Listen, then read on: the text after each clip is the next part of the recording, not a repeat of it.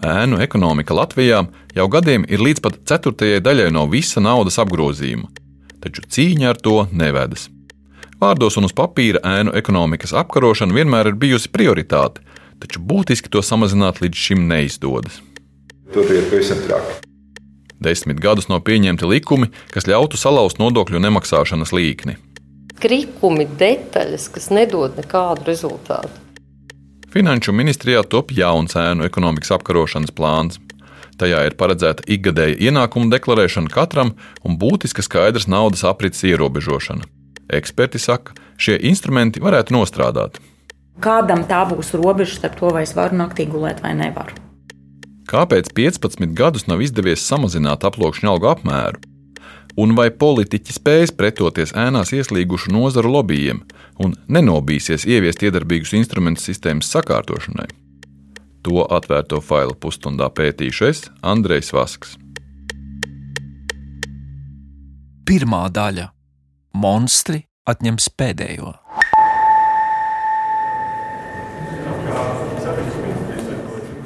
Aktīvi vērsīsimies pret izvairīšanos no nodokļu maksāšanas. Prioritārie darba virzieni būs kontrabandas apkarošana, cīņa pret krāpšanu, kas saistīta ar PVN atmaksu, aploksņu, algu izskaušana. Šis citāts, ko ielasīja mans kolēģis, ir no 2002. gada Einera Repšes ministru kabineta iecerēto darbu deklarācijas. Šī ir pirmā deklarācija, kurā minētas aploksņu algas, un pirmā, kurā valdība sola aktīvi vērsties pret izvairīšanos no nodokļiem. Turpmākos desmit gadus šie termini ir iekļauti teju katras valdības politiskajos dokumentos. Nodrošināsim labāku nodokļu iekasēšanu, samazinot ēnu ekonomikas īpatsvaru un veicinot godīgu konkurenci. Aktīvi vērsīsimies pret nodokļu nemaksāšanu, pastiprinātu uzmanību pievēršot aploksņu algu, PVN krāpšanas un kontrabandas apkarošanai. Termins ēnu ekonomika valdības dokumentos parādās vēlāk. Deklarācijās to ieviesa Valdis Dombrovskis 2010. gadā, veidojot savu otro valdību. Šis termins ir iedzīvojies, un ar savu jēgas ietilpību nulikā apstiprinātās Evitas Siliņas valdības deklarācijā ir izkonkurējusi abus pārējos. Dokumentā nav minētas ne aploksņa algas, ne izvairīšanās no nodokļiem. Tās fragmentu palūdzu ierunāt savai kolēģei.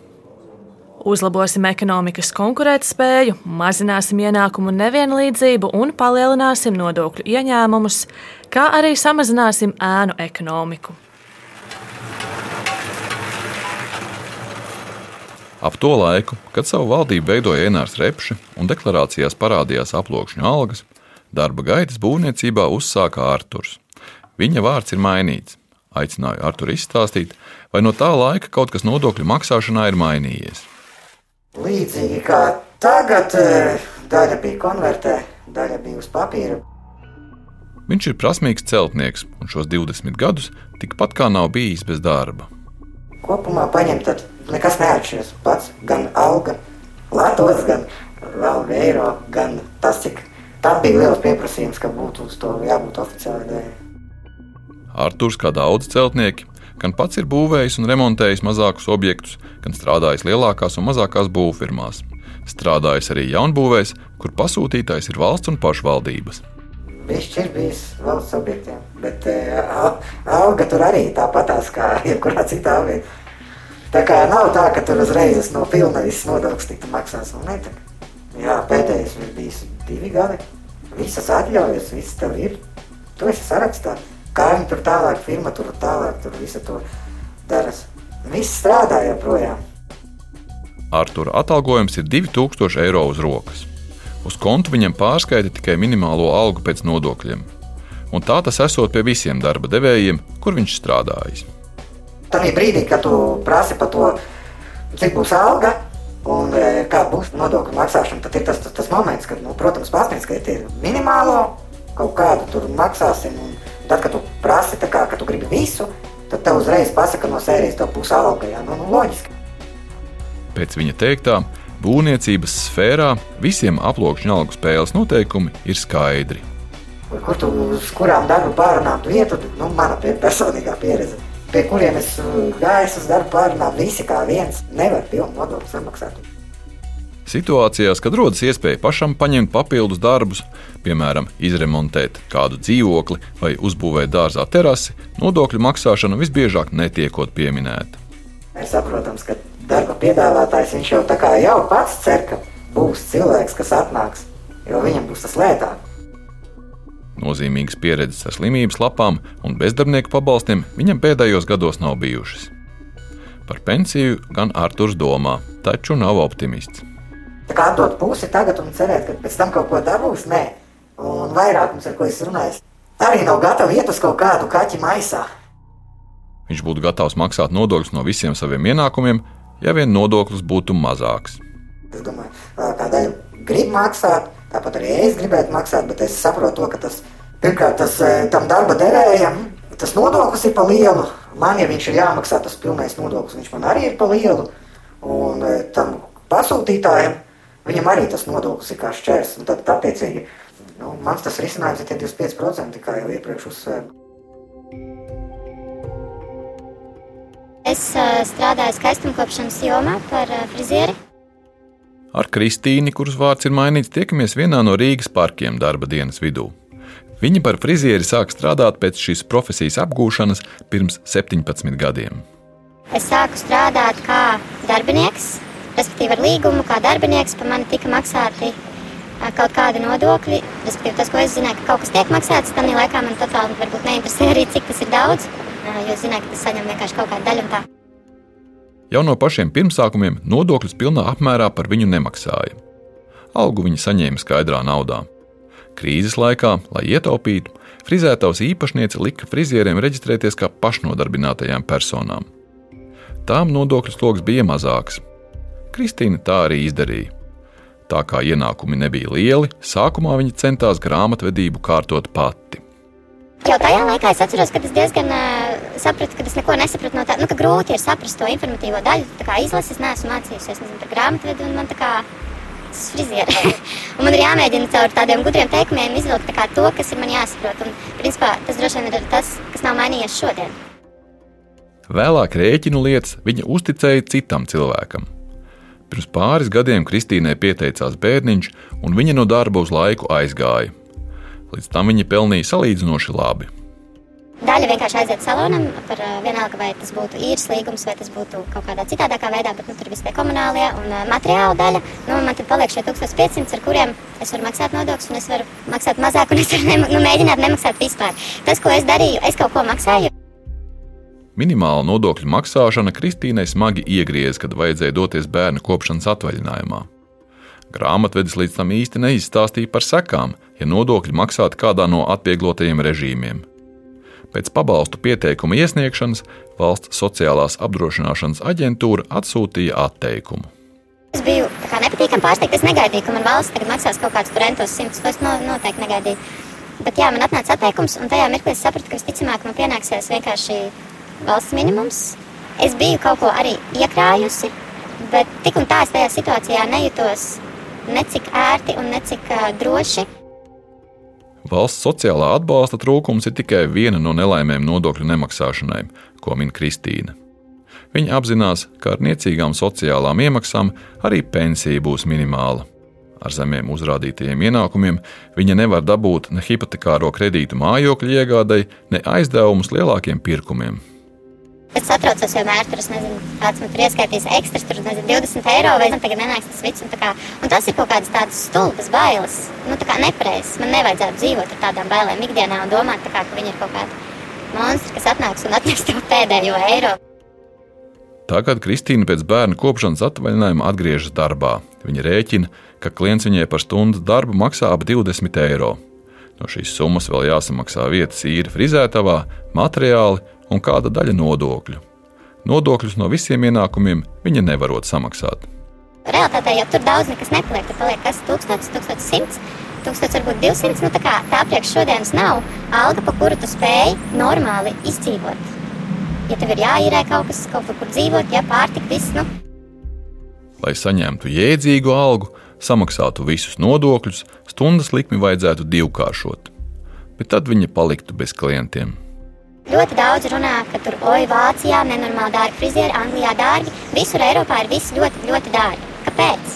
Tieši tam dēļ, ka viņi iespējams maksā vairāk nodokļus. Un tur tas pakalpojums tāpēc tā maksās. Šeit ir lēti.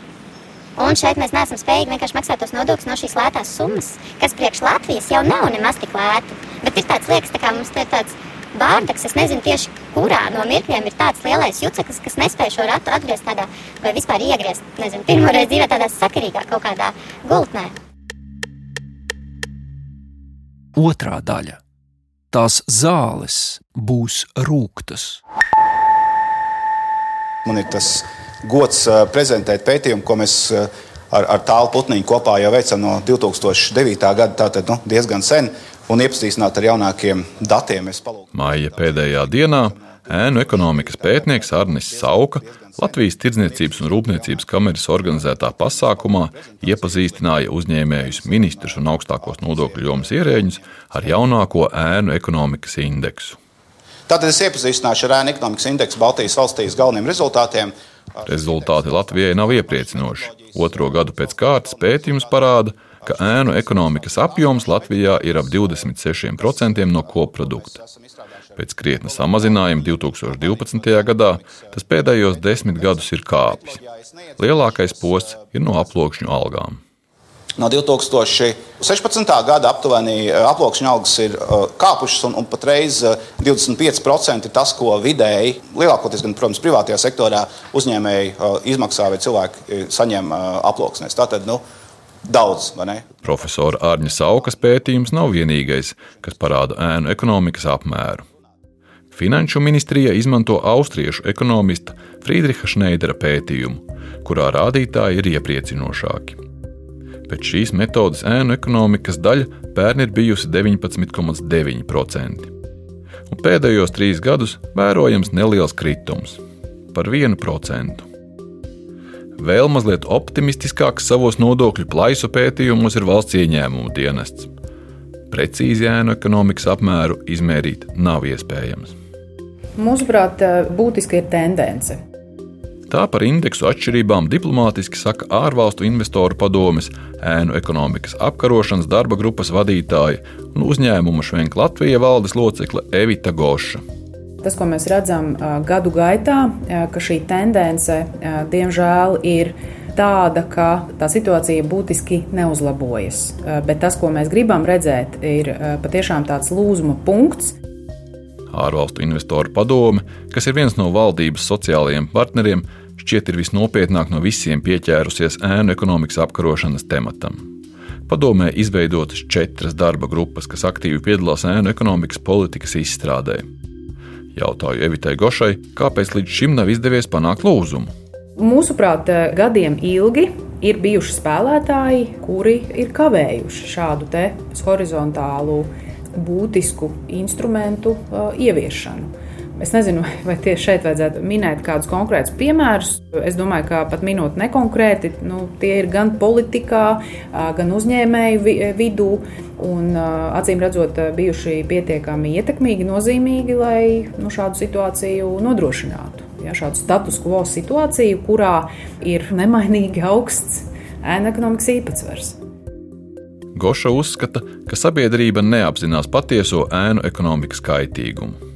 Nu, es gribētu pat salīdzināt ēnu ekonomiku ar vēzi, kur tiešām tā ietekme ir ārkārtīgi daudzšķautņaina. Mēs parasti aprobežojamies ar pavisam tādu primitīvu līmeni, ka lūk, nav nodokļu ieņēmumu no šīs jomas.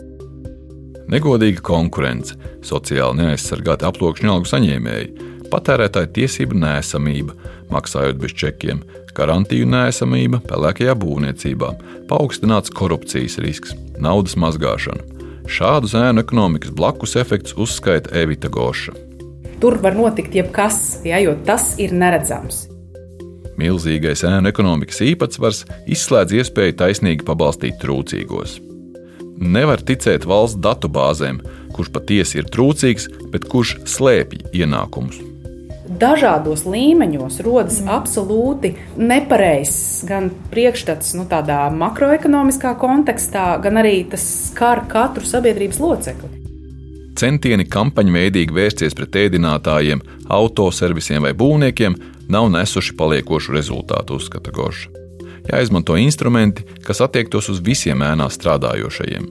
Simbolisks piemērs bezzobainajai cīņai ar ēnu ekonomiku ir tas, ka joprojām nav izdevies mainīt darba likuma normu, ka darba alga izmaksājama skaidrā naudā. Turpina Evita Goša. Neskatoties uz to, ka ievērojami vairāk nekā 90% Latvijas iedzīvotāju ir bankas konts, neraugoties uz to, ka arī bankomātu pieejamība tiek nodrošināta, tas tiek izmantots kā tāds bubulis, ka mums tagad aizlieks skaidru naudu un mēs nevarēsim iepirkties tirgū.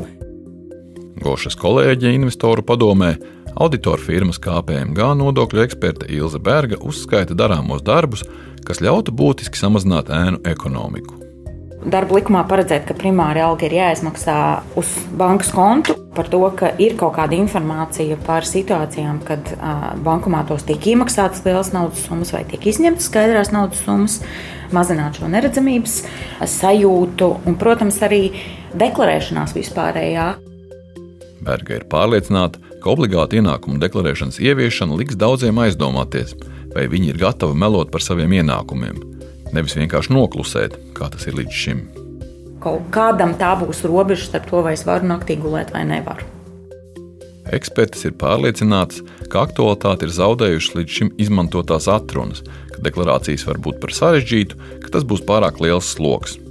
Arguments šogad ienākumu deklarācijas vidi ir iesnieguši vairāk nekā miljons iedzīvotāju.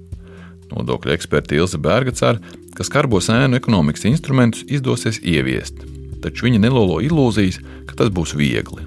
Protams, tās zāles pret šo slimību, kas ir ielgusi, viņas ir rūktas. Un būs kāds, kuram tas būs nērti. Un tā tam vajadzētu būt. Jo šie risinājumi un instrumenti nav vērsti, lai padarītu kādam dzīvi ērtāku.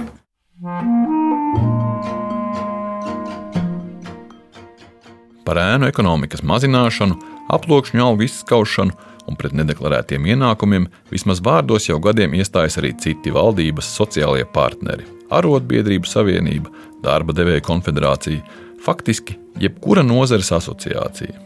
Mēs, kā Tirzniecības rūpniecības kamera, savulaik bijām tie, kuri rosināja vispār izveidot plānu. Ēnu ekonomikas mazināšanai savulaik tāda plāna nebija. Kā zināms, mēs kopā ar Rīgas ekonomikas augstskolu nu, jau vairāk kā desmit gadus esam ikgadējo šo tēnu ekonomikas tēmai veltītu konferenci, kurā parādās gan šis indeks, gan arī diskusijas. Tā savas organizācijas ieguldījumu ieskicēja Latvijas Tirzniecības un Rūpniecības kameras valdes priekšsēdētājs Jānis Enziņš. Kamera ar 6000 biedriem ir lielākā uzņēmēju biedrība Latvijā. Arī Jānis Enziņš piekrīt, ka līdz šim cīņā pret ēnām progress nav bijis pietiekams. Mēs faktiski visi, domāju, varam nonākt pie viena secinājuma, ka tā kā tie rezultāti īstenībā nav, tad nu, ir jādara kaut kā galīgi savādāk.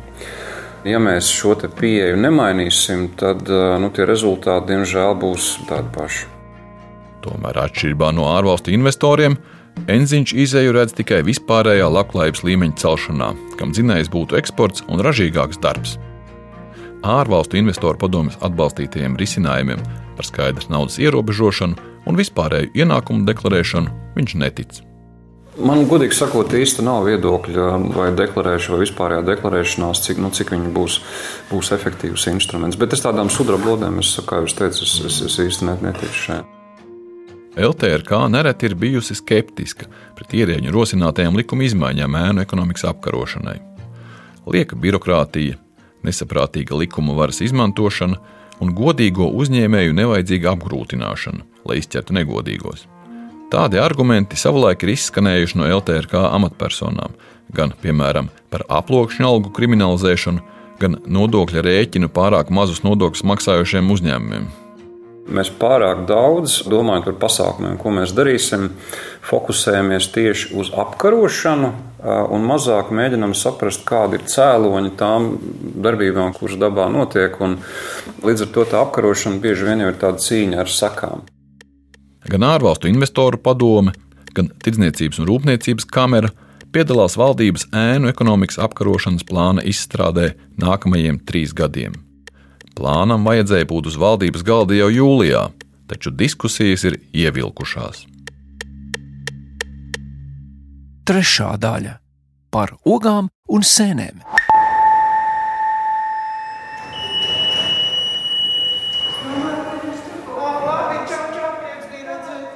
Septembra pēdējās piekdienas pēcpusdienā esmu atnācis uz valsts ieņēmumu dienestu Rīgā, Tālējas ielā.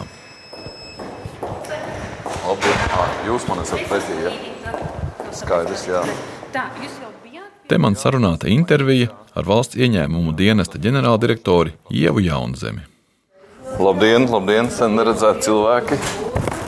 Tā, te, jau, jau tēju, kafiju. E, nē, paldies, nē, neko. Jaunzemē ir it pēdējais pusgads augstajā amatā. Uz otru termiņu viņa nepretendēs. Tad nevienu nenoid. Saprotu, jā. Bida ģenerāldirektorai ir labs garstāvoklis, jo viņai ir ar ko lepoties. Valsts kase pildās labāk kā jebkad agrāk. Varu pateikt tikai to, ka atbilstoši mūsu šī brīža aplēsēm, tātad uzlabojums ir. Mēs, protams, gribētu, lai viņš ir lielāks, bet, ja mēs skatāmies uz to kopējo masu, tas pusprocents ir tomēr gana daudz. Tā nav tikai inflācijas ietekme. Uzņēmēji uzrāda lielākus ienākumus, palielinās darba spēka nodokļu ieņēmumi, stāsta Jaunzeme. Mēs redzam, ka situācija uzlabojās īpaši tajās arī sliktajās, tā saucamajās problemātiskajās nozarēs, un nevelti 2022. gadā ir pieaudzis pa miljārdu ieņēmumi tieši no darba spēka nodokļa, kas ir milzīga summa, tā nav bijis līdz šim. Un, un tas nozīmē, ka tomēr uzņēmēji nāk ārā no ēnām. Vidi lepojas, ka izdevies gandrīz izskaust PVN karuseļu schēmas. Arī aizdomīgi mazus nodokļus maksājošu uzņēmumu brīdināšana nes augļus. Tas, ko mēs redzam, ka tie, ka deklarētās summas palielinās, kā es teicu, katru mēnesi viņas palielinās. Un te ir, nu, cik daudz ir mūsu nopelns, jā, tā skaitā arī tā visa uzrunāšana. Nu, ir neapmierinātie un arī vēstules raksti, kāpēc jūs rakstīgi domājat, ka man ir par maz algas, bet ir viena daļa, kas klusējot vienkārši palielina tās algas. Tomēr būtiskai aploksņu algu samazināšanai vid pietrūkst resursu un instrumentu. Jaunzeme atklāti saka, liela daļa no līdzšiniem ēnu apkarošanas pasākumiem faktiski ir bijusi izlikšanās. Katrs var izlasīt visu, kas iepriekšējās valdībās ir bijis. Tas jau nav nekāds noslēpums. Tie ēnu plāni jau ir cik sen. Ja? Es atceros, ka es stājos amatā. Es tieši pirms nākšanas uz konkursu izlasīju par kafiju. Bija. Nu, tādas krikumi, detaļas, kas nedod nekādu rezultātu. Es toreiz lasīju, domāju, nu, nopietni. Viņa uzskata, ja uzņēmēji un politiķi būtu patiesi gribējuši, tad ēnu ekonomika būtu daudz mazāka problēma. Domāju, ka tā, tas ir tāds pēc noklusējuma, tāds konsensus starp visām pusēm. Parunāsim katru gadu, 31. maijā, atnāksim uz augstas konferences, parunāsim, draudzīgi šķirsimies. No vīta puses esam no katru ēnu plānu centušies, lai būtu zobaināki pasākumi. Nu, jā, kaut kāda kompromisa cīņas rezultātā viņš ar vienu tā izplēna, izplēna un paliek tikai paši uzņēmēji apsmēji viņu jau tur tīklos. Kas tas tāds? Šobrīd Finanšu ministrijā topošo ēnu apkarošanas plānu Jaunzeme slavē. Arī vidi tajā ielicis lielu darbu. Ikgadēja ienākumu deklarēšana, skaidrs naudas aprits ierobežošana, prasība uzrādīt būvniecības izdevumus katrai jaunbūvēi varētu radīt lūzumu ēnu ekonomikas līknēs. Neslēpsim, ka ir diezgan liela pretestība. Es parasti arī vērtēju to pasākumu kvalitāti pret tā, cik liela ir pretestība. Šobrīd uh, ir sasparojušies visi, kurus tas varētu skart, jo beigu, beigās ir salikti pasākumi, kas tiešām var iegriezt. Nu, nevis par ogām un sēnēm, kā mēs zinām. Jā. Viņa slavēja arī finanšu ministra Arvila Ašrādena apņēmību. Zinu, ka viņš ir cilvēks, kuram patīk sasniegt rezultātu. Es esmu cerība pilna, ka viņam izdosies šoreiz to atšķēdīšanu nepieļaut, uztaisīt to dokumentu koncentrētu un tādu, kas ir tiešām zobains. Finanšu ministrs Arvils Ašerādens nokavēja interviju par 20 minūtēm esot aizķēries ministrijas vadības rīta sanāksmē. Kur tas piedāvāts? Oi, vai mums trūks ko apspriest? Pagājušajā gadā darbību izbeidza premjera ēnu ekonomikas apkarošanas padome, un tagad politiskā atbildība par šo jomu gulstas uz finanšu ministru. Hašerādens par sāpīgāko nozari nosauc būvniecību. Būvniecībā ir trīs segmenti. Ir lielā būvniecība, tad ir privāta māju būvniecība, un tad ir dzīvokļu remonts un tā tālāk. Nu, tur ir pavisam traki. Tur būs droši vien būs ļoti grūti kaut ko iedzīgi atrast. Savukārt māju būvniecībā ir ļoti atšķirīgi. Smagas nozares vēl ir privātie medicīnas pakalpojumi, transports, mazum un vairumtirdzniecība. Arī Ašerādens pamanījis, ka nodokļu nemaksāšanu apkarot izdodas tikai vārdos.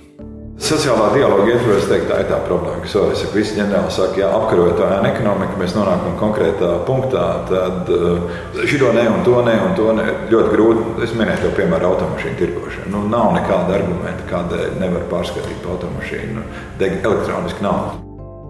Ēnu ekonomikas apkarošanas plāna pasākumus jāiestrādā likumos. Par katru no tiem vēl jālemj valdībai un saimai. Viens no pirmajiem pārbaudījumiem, vai ēnu ekonomikas apkarošanai ir pietiekams atbalsts, būs vispārējā ienākumu deklarēšana. Ašerādens iezīmē, kā tā iecerēta. Valsts ieņēmuma dienas sagatavos uz ienākumu deklarāciju, un jūs apskatāties viņu un skatāties, ka šie ir mani vienīgie ienākumi. Un es valstī parakstos, ka tie ir mani vienīgie ienākumi. Noteiktā veidā tas tiks auditēts. Ja izrādīsies, ka ir savādāk, diemžēl iestāsies atbildība. Tas līdz šim nav. Par šī instrumenta ieviešanu politiķiem būs jālēm tuvāko mēnešu laikā. Ja valdība atbalstīs, tad iesim ar budžeta paketi, jo tas būtu jau nākamais gads, būtu jau taksācijas gads, par ko būs jāatskaitās. 25. gadā varētu visticamāk būt pārējais gads, kad cilvēks sagatavojas, iepazīstās, kas viņam jādara. Par 25. gadu, jau 26. gadā būs jau atbildība par šādu deklarāciju. Šobrīd nav skaidrs, vai nozīmīgajām izmaiņām būs politiskais atbalsts. Finanšu ministrs saka, par to uzzināsim tikai tad, kad likums būs saimā. Jūs pats ticat, ka tā vispārējā deklarēšanās būs no 25. gada? Skatāmies, mēs virzīsimies uz saimnu, un nu, šis jau nav baznīca. Nu, tas ir tāds ticības jautājums. Vienkārši iesim uz priekšu, un, ja viņš nebūs viena šogad, viņš būs nākamgad. Nu, vēlākais, nu, ja tā ir normāla darbība lielākā daļa Eiropas valstu. Nu. Sižeta sākumā ēnstrādnieks no būvniecības Arturs sprieda, kāpēc nodokļi nevarētu būt tikai ceturtā daļa no nopelnītā, nevis gandrīz puse. Lai gan atbildes šķiet pašsaprotama, jautājumu pāradresēja finanšu ministram. Mums bija mikro uzņēmuma ienākuma nodoklis, un tad nāca Covid krīze. Un tad pēkšņi izrādījās, ka visiem šiem cilvēkiem ir vajadzīga palīdzība. Mēs pēkšņi ieraudzījām to atbildi, kāpēc nodokļi ir tik lieli. Un tie cilvēki saslima un pēkšņi izrādījās, ka slimības lapā bija daži desmit eiro. Ja? Viņš es taču maksāju nodokļus, jā, bet jūs maksājat jums tieši tik daudz. Mēs arī tāpat arī jums uh, maksājam. Frizierē Kristīnai sapnis ir pašai savs salons. Tomēr viņa apzinās, ka pie pašreizējās ēnu ekonomikas sistēmas tas nav piepildāms. Ja es būtu zinājusi, mācoties par frizieri, ka tik nesakārtot šī sfēra ir, es tiešām domāju, ka varbūt es nebūtu viņu izvēlējusies. Lai arī tas ir mans aicinājums un tā, bet man tik ļoti riebjās tāda nesakārtot vide, kurai tu neredzi tādu loģisku uh, risinājumu, kā viņu arī sakārtot. Raidījumu veidoja Andrejs Vasks un Rēnis Budze. Atvērtie faili!